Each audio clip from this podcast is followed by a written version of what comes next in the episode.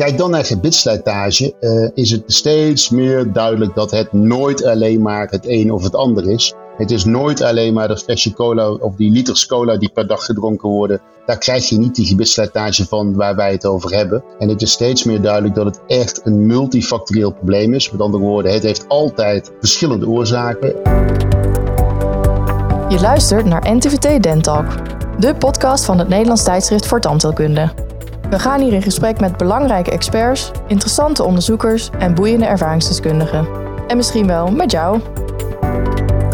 De presentatie is in handen van tandarts-epidemioloog en hoofdredacteur van het NTVT, Casper Bots. Welkom bij Dentalk Podcast. Vandaag gaan we het hebben over gebitsslijtage. Waarschijnlijk herken je dat wel. Soms zijn er weken, dan zie je overal slijtage bij je patiënten en maanden daarna denk je bij jezelf, het valt allemaal wel mee. Na het zien van zeer ernstige slijtage valt een eerstvolgende patiënt met slijtage aan bijvoorbeeld de in het niet. Wanneer moet ik nu ingrijpen? Moet ik afwachten of juist waarschuwen of kan ik beter helemaal niets doen? Kortom, gebitsslijtage. Wat moeten we ermee? We gaan de meest recente wetenschappelijke inzichten en de klinische consequenties daarvan voor de algemene praktijk bespreken met dokter Bas Lomans, standaards en onderzoeker bij het Radboud MC in Nijmegen. Uh, Bas, zo'n twee jaar geleden schreef je in het NTVT samen met Peter Wetselaar en Niek Opdam een artikel over een consensusverklaring, een Europese consensusverklaring over de behandeling van ernstige gebitsslijtage. Uh, hoe staat het met de consensus zo'n twee jaar later? Zijn je er al uit wat je het beste kan doen? Ja, dag Casper. Um, dat is een hele leuke vraag. Uh, die consensusmeeting die hebben wij toen uh, vertaald in het Nederlands. Dat was een publicatie die daarvoor in het Engels is verschenen. En Destijds hebben we de stoute schoenen aangetrokken, kan ik wel zeggen. Mm -hmm. zo voelt het. Om uh, te zeggen, ja, er is eigenlijk een beetje een platforma aan, aan ideeën, dingen die uh, geschreven zijn. Om te zeggen, kom, we halen alle Europese stakeholders en mensen die denken iets over gewichtslijtage te weten en schrijven, wetenschappelijk gezien, bij elkaar. Die zetten we allemaal in een hotel in Nijmegen. En laten we hopen dat er een beetje een consensus uitkomt. Wat is de belangrijkste uitkomst van die consensusmeeting, wat jou betreft? Nou, de uitkomst is dat we uh, met name de, de, de, definities van gebitsslijtage en ook de management van gebitsslijtage, van hoe ga je nou om, eigenlijk de vraag die je net zei, van hoe doe, wat doe je nou met een patiënt? Dat hebben we uitgeschreven en daar een, een, stroomschema van gemaakt. Zeg van hoe ga je nou om? Uh, wanneer ga je wat ingrijpen? Natuurlijk niet in de kleine de details. Maar wel de hoofdlijnen staan er uh, heel erg leuk in. En het mooiste is dat gewoon iedereen dat ook heeft overgenomen. Het is ook opgenomen in curricula van onderwijs, van universiteiten. En uh, ja, ik moet zeggen, daar zijn we heel trots op dat dat uh, met eigenlijk een relatief kleine meeting zo'n hoop impact heeft gehad. En op dit moment zijn we ook bezig met een vervolg daarop omdat de eerste ging met name over wat doe je nou bij een patiënt in het management van het uh, geheel. En nu zijn we ook bezig met meer de volgende stap van oké, welke behandelingen zijn dan ook het best geschikt bij die patiënten. Want daar komt ook steeds meer informatie over uh, beschikbaar. En daar hebben jullie lopend onderzoek over in Europees verband? Of doe je dat in Nijmegen? Of? Uh, daar is uh, steeds meer onderzoek. het is met name een Europees feestje. In Amerika en in de Aziatische landen gebeurt er eigenlijk niets zover ik weet. Uh, in Europa zijn er eh, diverse centra die echt inderdaad met klinisch onderzoek bezig zijn. Minimaal invasief. Uh, en ja, wij doen daar ook uh, goed aan mee, mag ik zeggen. En um, ja, dus op basis van die resultaten die nu gepubliceerd zijn en gaan worden, kunnen we ook ehm, de volgende consensus meeting daar iets over zeggen van oké, wat is nou bij welke patiënt ook de beste behandeling? Oké, okay, dan zien we eigenlijk wel naar uit wat daar dan uit gaat komen. We, willen nu eigenlijk, zou ik het graag even willen hebben over de, de herkenning, want daar begint het uh, toch mee, of niet? Helemaal. Ja, wat, wat, als je nou helemaal terug gaat naar het begin, wat is dan de uh, definitie van slijtage? Hoe zou je dat, want ja, destijds had je volgens mij uh, attritie, abfractie, nou allerlei verschillende terminologie. Hoe, hoe is dat nu? Ja, die termen zijn er natuurlijk nog steeds. En ehm, Even voor uh, degene die nu zijn aan het luisteren, de attritie, ja, dat is echt tand-tandcontact. Uh, abrasie is slijtage de gevolgen van het derde object. Uh, een pen, een nagel waar mensen op zitten te bijten. Het derde object, dat is wel mooi. Dat is ook wel leuk als Ja, een derde, dat was het tweede eigenlijk. Hè? Dat is een beetje raar. Ja, nou ja, uh, extern object. en erosie is echt de pure zuur. Nou, Kijk dan naar gebitsslijtage, uh, is het steeds meer duidelijk dat het nooit alleen maar het een of het ander is. Het is nooit alleen maar dat flesje cola of die liters cola die per dag gedronken worden. Daar krijg je niet die gebitsslijtage van waar wij het over hebben. En het is steeds meer duidelijk dat het echt een multifactorieel probleem is. Met andere woorden, het heeft altijd uh, ja, verschillende oorzaken. Uh, altijd meer dan één component speelt een rol altijd meer dan één component. Dus als je nou puur naar die traditionele indeling kijkt en je hebt een patiënt met ernstige slijtage of gemiddelde slijtage, dan, dan is er altijd dat je moet zeggen, ja, uh, er is altijd een attritiecomponent, er is altijd een uh, abrasiecomponent ja. en er is altijd een erosiecomponent. Dus met andere woorden, bij elke patiënt heb je dus overal vinkjes staan. Ja. Dus dat schiet niet op. En daarom uh, ben ik meer voorstander van om te kijken naar mechanische invloeden. Aan de andere kant de chemische invloeden. Om te zien van wat is er nou van tand-tand contact. Maar mechanisch is ook pijt op een pen. Dat is ook een mechanische component. Maar een hele belangrijke in het hele circus aan, aan, aan etiologie wat in de mond plaatsvindt. Uh, is uh, chemie, chemische aanval. Dus, en de, de erosie, de, de erosieve aanval, is eigenlijk de belangrijkste die mee moet spelen om een verzachting van het tandoppervlak te krijgen. En moet gezien worden als de katalysator van andere vormen van slijtage. Oké, dus als je het samenvat, zou je, zou je zeggen van er is altijd wat mechanische slijtage. Uh, en die kan dan wat meer of mindere mate zijn. Maar zodra er een chemisch component bij komt, gaat het razendsnel en gaat het, uh, gaat, wordt de duikvlucht ingezet van de slijtage. Ja, ik zeg altijd 1 plus 1 is, is geen 2, maar het zal 10 zijn misschien. Dus die chemische component die zorgt voor die katalysatie, voor die versnelling van het proces. Dus als je tanden knarst, zal er absoluut een beetje slijtage ontstaan. Maar je moet echt van goede huizen komen om met alleen tandenknarsen je tanden zo ver weg te krijgen dan dat je denkt, oef, dit gaat fout. Uh, maar gooi er een beetje zuur bij, en waar de zuur vandaan komt is even het volgende punt. Uh, uh, gooi er een beetje zuur bij, kijk, dan kan het in één keer door die verzachting en door dat chronische aspect dat er dan in zit, dan kan het in één hard gaan. En dan kom je dus ook weer op het feit van, hé, hey, dan moeten we misschien wat doen. Oké, dus daarom heb je waarschijnlijk als je in de praktijk je patiënten jarenlang gewoon uh, ziet, uh, dat je dan soms heb je het gevoel dat je, dat je een beetje meegroeit met die slijtage. Het klinische beeld van die patiënt heb je dan nog in je hoofd. En soms denk je van, hé, hey, hier is iets mis. Ja. Dus dat heeft met het herkennen te maken van wat is dan normaal en wat, hoe zit dat dan eigenlijk met die ernstige slijtage en pathologische slijtage? Je hebt zoveel soorten slijtage. Ja, dat is een hele goede. Die twee woorden worden zwaar door, elkaar heen gehaald. En het, grappige is, dat is een van de basiszaken geweest van die consensusmeeting waar je het net over had. Omdat namelijk ernstige slijtage eh, is puur alleen uh, gekeken op basis van een index of van de mate van slijtage, hoeveel de weg is. Voorbeeld, je hebt een, een, een, de occlusale vlak en er is meer dan een derde de tienexpositie, dan kan dat een bepaalde score geven. Um, pathologische slijtage, dan wordt gekeken van, is het gerelateerd aan de leeftijd? Is het normaal, die slijtage, voor de leeftijd van de patiënt? Een jonge persoon heeft weinig slijtage, een ouder persoon heeft meer slijtage. Dat is gewoon fysiologisch zoals de natuur het bedoeld heeft. Heeft die jongere nou in één keer veel meer slijtage dan dat het eigenlijk voor de leeftijd zou moeten zijn? En daar komen bijkomende klachten bij. Het is gevoeliger, uh, ja, meestal is het gewoon gevoeliger dat het wordt. Dan spreken we over pathologische slijtage. Dus anderzijds, dat kan bij een kind betekenen dat het nog niet ernstig is in de definitie, maar wel pathologisch. Bij een oude persoon kan het ernstig zijn, maar niet pathologisch. Ja, en de grote groep die ertussen zit, is natuurlijk uh, ernstig en pathologisch. Maar het is wel goed om, die, om, om dit subtiele verschil wel uit elkaar te halen. Ja, ik, ik, ik, ik, uh, ik heb het helder. Ik zit ook nu in mijn eigen mond te voelen. Met mijn tong bij, me, bij mijn molaren. Die zijn iets, uh, ik ben mid 40, zullen we zo'n beetje zeggen.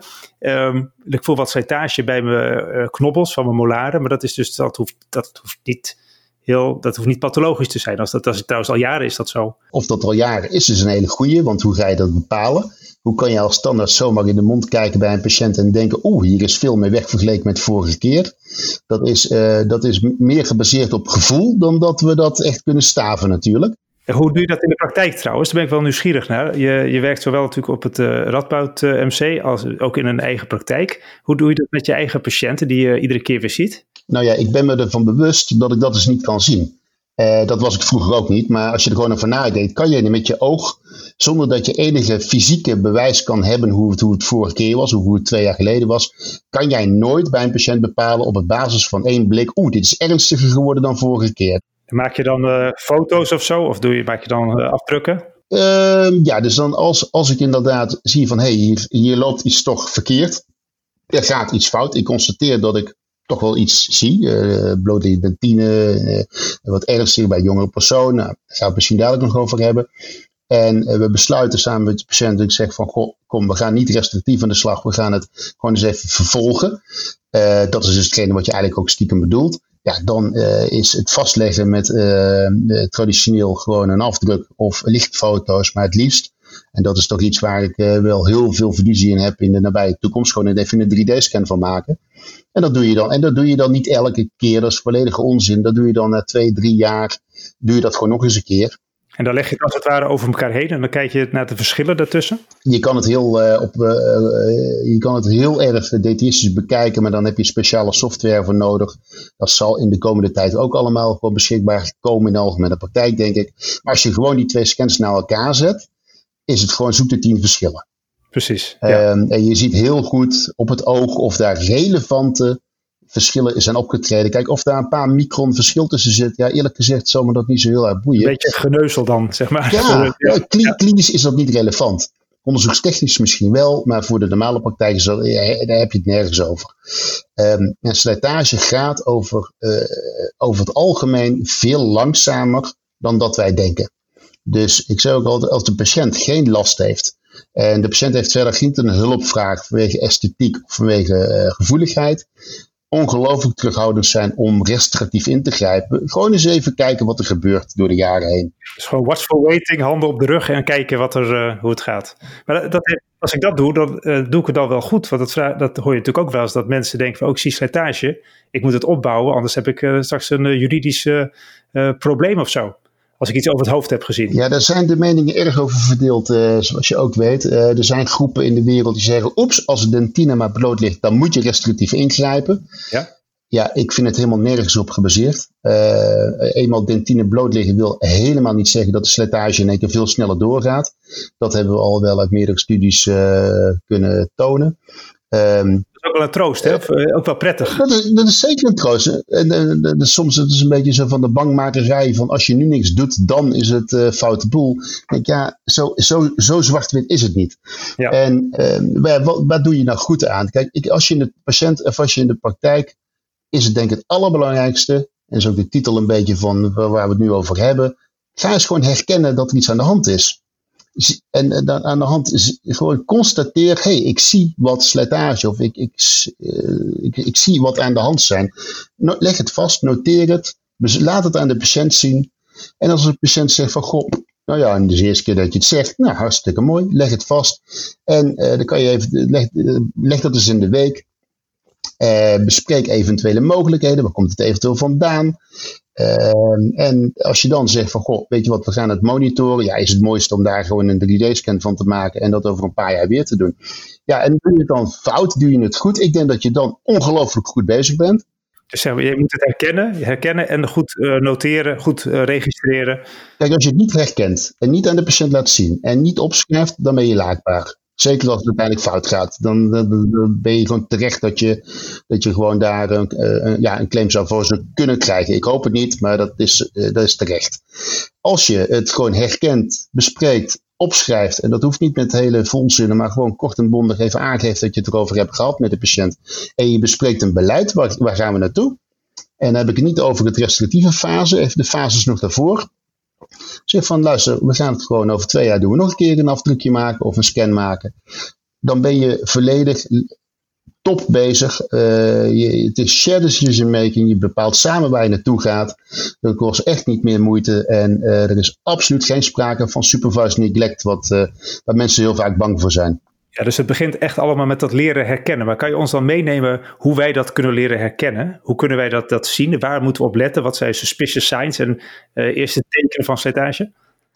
Kijk, eerste kleine tekenen. Iedereen heeft slijtage. Uh, in meer of mindere mate, heel simpel. Vanaf dat een element is doorgebroken, gaat het slijten. Ja, dus iedereen, de prevalentie van is eigenlijk bijna 100%, zou je kunnen zeggen. Ja, het is, het is maar net op wat verschil je kijkt. Ehm, als je het over zeer, zeer, zeer ernstig hebt, waar wij helemaal losgaan met restauratief. Ik denk, nou ja, dan heb je het zwaar onder de 1%, 1% 0,1% van je populatie. Die heb je een paar rondlopen in je praktijk en that's it. Uh, er, is een hele grote groep die heeft wat slijtage. Goh, ja, er zit slijtage. Moet je er wakker over liggen? Nee, helemaal niet. En er is een groep die zegt, oké, hier moeten we code oranje, zeg ik altijd, maar het stoplicht staat op oranje. We moeten een beetje op gaan letten. Er is, ligt wat tentine bloot. Uh, de voortanden beginnen een beetje doorschemerend te worden. Dus dat zijn van die dingen, dat even terug naar dat leren herkennen. Dus de tentine ligt bloot en de, ja, cuppings, dus cuppings in de molaren, dat is natuurlijk een vorm van erosief, maar ook van chemisch, eh, van mechanisch. Eh, restauraties, amalgaam, composietrestauraties, eh, die zo hoger komen te staan dan de rest van de elementen. Bas, ik had gisteren, ik had gisteren een patiënt. Uh, o jee. Ja, nu zegt die amalgaamrestauraties die net boven uh, de glazuur liggen, die vrouw heb ik al jaren. En nu plotseling zag ik, uh, je had vroeger werden vaak van die amalgaamvullingen bij het front gelegd. In die, in die, zeg maar, die patatzakjes, die ruimtes die daar zitten. En die lag ongeveer een millimeter erboven. En ik heb die patiënt al jaren. Ik had dat uh, nog niet eerder bij haar gezien. Nu vanwege corona al die dingen heb ik er anderhalf jaar niet gezien. Mm-hmm. Ze wou zonder gaan leven en ze was iedere dag citroensap gaan drinken. Ja. En uh, nou, toen zag je in één keer, hè, hoe, hoe, is dit nou mogelijk? Heb ik het over het hoofd gezien? Maar dat kan dus ook heel snel gaan. Je zat een beetje een dekbeet ook, of het ging een beetje te langs. Leuk, leuk, leuk voorbeeld. Nou, wat ik, wat ik persoonlijk, maar nogmaals, ik ben ook maar uh, ik, ik doe ook maar wat, wat ik denk dat goed is, um, um, is dat ik de patiënt een spiegel geef. Ik zeg, ik constateer dat die vulling hier hoger ligt. Dat is niet normaal. Zo heb ik of Pietje niet gemaakt. Dat kan niet. Dus ik zie dat er een slijtageproces aan de gang is. Als je dat dan ziet dat zo'n vulling wat hoger ligt in jouw situatie, dan, uh, dan zeg ik van goh, uh, als ik er naar kijk, lijkt me dit met name een chemisch proces, waar ik het er straks ook over had, en minder een mechanisch proces. Want als het een mechanisch proces zou zijn, zou ook die amalgaamvulling wegslijten. Dus ik zeg, er, er lijkt er meer een, mechanisch, een chemisch proces aan de gang. En dan gewoon de, de, de patiënt de vraag stellen van, goh, herken je dat? Uh, ja, wat zou het kunnen zijn? En waar, waar, komt het, waar komt zuur vandaan? Nou, zuur zeg ik heel simpel, het komt van buiten naar binnen of van binnen naar buiten. Uh, van buiten naar binnen. Dat is uh, gewoon uh, eten, drinken. maar en dan ook niet te vergeten hoe mensen drinken. Ik denk dat drink- en slikgewoonte daarin nog veel belangrijker is dan wat mensen drinken. Dus het spoelen, het laten staan in de mond, waar we eigenlijk nooit naar kijken. En van binnen naar buiten, dan heb je het over reflux. En als je dan zo'n palatinaal vlak hebt, wat jij het net over had, dan gaan mijn uh, signalen wel uit van, goh mevrouw, heeft u soms wel eens een keer maagproblemen? Heeft u wel eens een keer uh, oprispingen? Uh, een keer een drukkend gevoel achter het borstbeen, om daar signalen uit te halen. Ja, en dan, als ik dat zie, um, en dat geldt ook voor iemand die, waar je ziet, het is gewoon een bruxisme, hier zit een volledig mechanisch verhaal. Ja, ik geef de patiënt huiswerk mee naar huis. De patiënt die wordt overdonderd, die weet niet dat je daarover gaat beginnen. Ja. En het is vaak, is de patiënt er volledig onbewust van. En ja. ik geef, geef, de patiënt gewoon huiswerk mee. Nogmaals, het gaat niet zo snel. En ook al gaat het dan een paar tiende millimeter sneller, nou ja, dan kunnen we het altijd nog ingrijpen. Ik zeg van, nou, weet je wat, ga jij maar eens even nadenken over het feit, zit je vaak met je kiezen op elkaar als je in de file staat? Ben je vaak gestrest? Uh, hoe zit het met je in jouw geval? Uh, herken je iets met zuur? Ben je, heb je een ander eetgewoontepatroon gekregen? Die rare citroentjes die inderdaad gegeten en gedronken worden. Um, ja, en, en het mooiste is als een patiënt zelf met antwoorden een keer erop terugkomt. Goh, vorige keer zei je dat. En ja, ik ben inderdaad op gaan letten. En laat je zo'n patiënt dan uh, bijvoorbeeld acht weken terugkomen of duurt het gewoon een half jaar later? Nou, als het gewoon zo is zoals jij nu zegt, dan zeg ik ja, waarom zou ik die patiënt zo veel sneller terug willen zien? Er is geen pijnklacht, er is geen hulpvraag. Uh, ga er ook niet een groter probleem van maken van dat het is. Schrijf het op, koppel het een keer erop eens even terug. Van, goh, vorige keer hebben we het erover gehad. Ben je daar nog mee bezig geweest? En ik kan je zeggen, als je dat gewoon specifiek aan die patiënt vraagt, dan uh, weten ze dat allemaal nog. En dan komt er vaak de meest leuke antwoorden komen eruit. Wat dan het allerbelangrijkste is, en dat is niet de tandheelkunde, maar dat is psychologie, is dat er bewustwording optreedt van op dat moment nog het onbewuste. En als er een bewustwording optreedt, dan zal je ook de commitment voor alles wat je daarna adviseert of doet, komt duizend keer beter binnen dan dat jij in één keer zegt je moet beter poetsen, want dan gaan ze toch niet doen. Of ik zie gebitsslijtage, dat gaan we vullen. Ja. Krijg je een hele andere discussie inderdaad. Ja. Dus, dus is een belangrijke poot psychologie, een psychologisch spelletje. Ja, maar wel met, uh, met langdurige zorg in, uh, in gedachten. Ook met waar je, wat je zo straks hebt, van waar je naartoe wil gaan met die patiënt. Je trekt natuurlijk met die patiënt op. Ja, tuurlijk. Ja. Um, iets anders waar ik aan zat te denken. Ik had uh, gelezen een paar maanden geleden over een, jullie samenwerking op het Radboud MC tussen enerzijds studenten, tandartsen en de patiëntenpopulatie op het gebied van gebitsslijtage. Kan je er iets over vertellen? Is, dat is een vrij uniek project, had ik begrepen. Uh, ja, wij vinden het een uniek project, omdat er uh, volgens mij de enige plek in de wereld is dat het gedaan wordt. We hebben initieel onderwijs, dus wat houdt het in? Studenten, gewoon tandkundestudenten, vijfde, zesdejaars, of vierde, vijfde, zesdejaars, de masterfase. We hebben postinitieel onderwijs, dus dat zijn onze postacademische cursussen die, die lopen. En we hebben natuurlijk een poot onderzoek. En nu hebben we de kliniek voor gebitsslijtage hebben we in het leven geroepen. En in die kliniek worden dus allemaal mensen met gebitsslijtage behandeld. En uh, daar, daar zitten dus allerlei verschillende partijen in. Het niveau van studentonderwijs. Ja, maar dat bij die is dan wel zeer ernstige gebitsslijtage, denk ik, hè? Ja, dat hoeft nu niet. Als, als de tandarts slash patiënt zich zorgen maakt, hoeft het dus niet in absolute zin heel veel te zijn. Het kan soms ook gewoon zijn van ik maak me zorgen. Uh, dus het, het, het, hoeft niet eerst aan het tandvlees weggesleden te zijn. Verder van, liever juist eerder. Of gewoon van onbegrepen pijnklacht. Van waar komt het toch vandaan? Ja, dat, dat, dat is gewoon een zoektocht waar we dan in gaan. Maar dus we zitten letterlijk ook samen op één zaal. Dus er zitten studenten assisteren bij de tandarts die dus die patiënten met uh, gebitsslijtage behandelen. Dat is gewoon reet interessant voor de patiënt, eh, voor de student ook. Om te zien wat die tandartsen doen. Want die zitten natuurlijk op een heel ander niveau met behandelingen dan de studenten dat uh, kunnen en mogen doen. Uh, er zit nog een, uh, een, paar units met patiënten voor het onderzoek wat loopt. Dus ze nemen allemaal kennis van elkaar en samen is dat gewoon een prachtige uitwisseling van kennis. De studenten maken kennis met onderzoek, ze maken kennis met postjudicieel onderwijs. De tandartsen die leren veel van de studenten, want die, die, die kennen ook gewoon trucjes wat de tandartsen ook weer niet kennen. De meest recente inzichten ook natuurlijk, die de tandartsen ja. mee kunnen nemen uit de praktijk. Oké. Ja, de feedback is gewoon hartstikke leuk. En die gegevens die eruit komen, die gebruik je ook weer voor je onderzoek.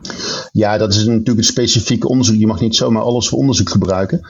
Maar uh, de specifieke klinische onderzoeken die lopen, die, de recalls, dus de, de patiënten die terugkomen na 1, 3, 5, 7 jaar, die komen ook in dat ja, gewoon in die, in die groep terecht, in die kliniek komen ze terecht. Oké, ik, zat, ik zat net nog aan iets anders uh, te denken. Uh, we hebben natuurlijk, als we over gebedsslijtage hebben, dan komen mijn gedachten, komen vaak toch wel de occlusale vlakken van de molaren komen naar voren. of inderdaad cuspidaten die slijt, of front wat dunner wordt, of dat het hele, de, hele tand gewoon wat geliger uit gaat zien. Maar wat ik ook heel veel zie, met name de oudere patiënten in de praktijk, is de cervicale slijtages. Um, uh, dat het lastige vind ik, en ik kan me voorstellen dat veel luisteraars dat, uh, dat hebben, van wanneer moet ik dit nou gaan vullen? Moet ik dit, uh, ben je dan geneigd om dat eerder te vullen? Soms denk je, nou dit is toch wel behoorlijk gesleten, laat ik het toch maar vullen. Dan kunnen ze er weer overheen poetsen tot het weer weggepoetst is. of, want er spelen natuurlijk ook meer factoren bij die cervicale slijtageplekken spelen een rol. hoe sta jij erin of wat is daarover bekend? Ja, ik vind het wel leuk dat je het cervicale slijtageplekken noemt. Want, hoe zou ik moeten? Eh, nou ja, of ab abfracties. Uh, ja.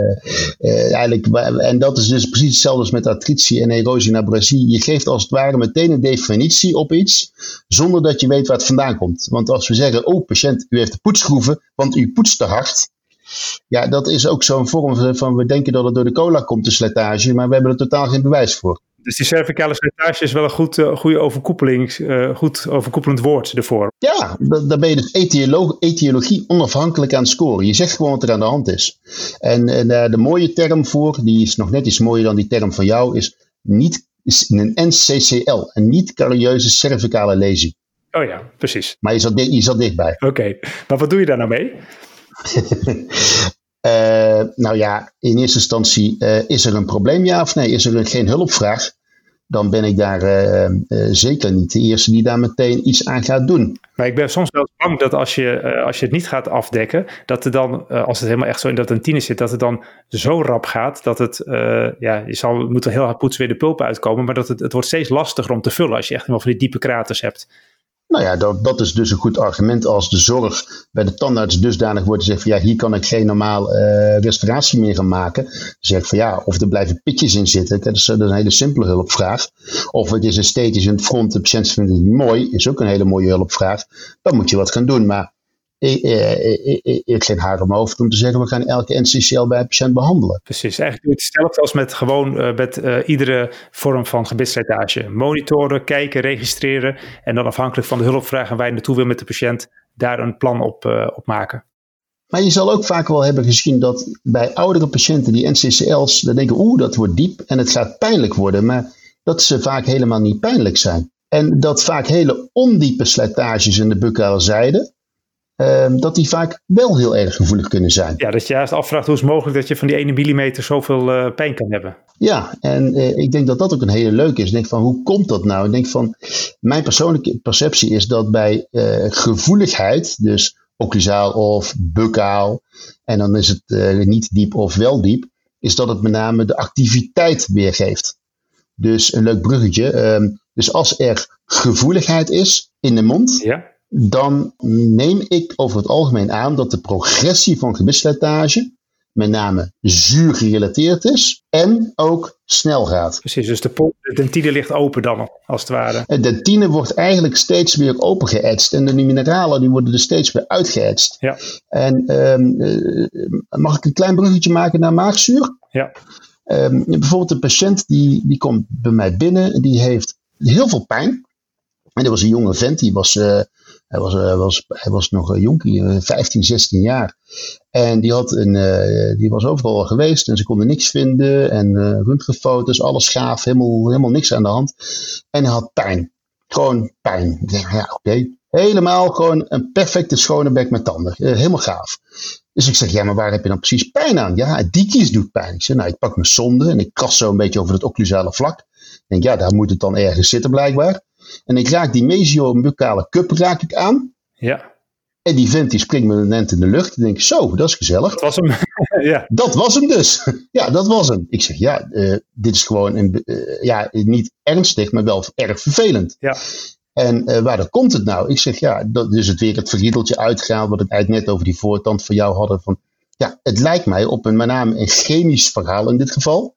Komt het van buiten naar binnen, van binnen naar buiten? Hoe is het met je voeding? Hoe is het met dit? Ja, dat was eigenlijk niks bijzonders. En uh, ik zeg, heb je last van maagzuur? Oh ja, ja, daar heb ik heel veel last van. Ik zeg, oké. Okay. Uh, uh, nou ja, toen kwam het hele riedeltje naar voren. Ik zeg, goh. Het weekend? nou ja, dat mocht hij niet. Hij mocht niet drinken. Hij was nog, hij was nog minderjarig. Ja, bij jou in de buurt mag ik misschien wel, maar bij ons niet. Okay. en ehm, dus de, ik zeg maar, weet je wat, hij had gewoon aantoonbare maagzuurproblemen. Ja. Dat had hij al een hele tijd. Ik, zei, ik heb hem naar de huisarts gestuurd uh, om het advies te geven van, goh, gaan ze hem eerst even de huisarts natuurlijk advies te vragen. Met het advies erbij. Tandheelkundig gezien heeft hij pijn. Uh, ik, heb een differentiaaldiagnose dat het van reflux zou kunnen komen. Zou je een maand om een prozol of een, een, maagzuurremmer, geen Reni, maar een echte maagzuurproductieremmer kunnen voorschrijven. En die jongen die komt een maand later terug en die heeft gewoon geen pijn meer. Ja, fantastisch, toch? En ja. dus dat is een prachtig symptoom. Dat is door het continue aanval van wat zuur, en dat hoeft niet heel veel te zijn. Het hoeft niet dat het, dat het, dat het maagzuur helemaal in zijn mond staat. Het is gewoon hele kleine subtiele zaken. Als het maar lang genoeg gebeurt, heb je die etsende werking die de hele tijd die dentinetubuli opengooit. Ja, en dan heb je dus heel weinig slijtage met heel veel pijn. Ja, dus een goede, goed om te onthouden, zeg maar. Dus als zodra er uh, klachten zijn, heb je uh, 9 van 10 keer met een actief proces te maken. Dan moet je goed naar de etologie gaan kijken wat het is. En dan... Ja, en dan is, en dat is dus ook vaak een zuurproces. Precies, ja. Het zij van buiten of het zij van binnen. Dat is dan de volgende vraag. Ja, mooi. Dan heb je echt iemand uh, geholpen. Leuk. Is dat, ja, ja. Leuk, leuk pakken. Hey, hartstikke mooi. Hey, um, uh, we hebben nu voornamelijk over de herkenning en zo gesproken en over allerlei andere aspecten. In het uh, Dentalk webinar gaan we het uh, verder hebben over ook wat je nog moet doen of wat je kan doen aan het restaureren.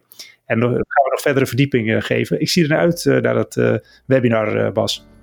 Ja, leuk. Ja, hey, ontzettend bedankt. We zijn hiermee aan het einde gekomen van deze Dentalk podcast over het onderwerp gebitsslijtage. Wat moeten we ermee? Waarin we in gesprek waren met dokter Bas Lomans. Bedankt voor het luisteren en graag tot de volgende keer.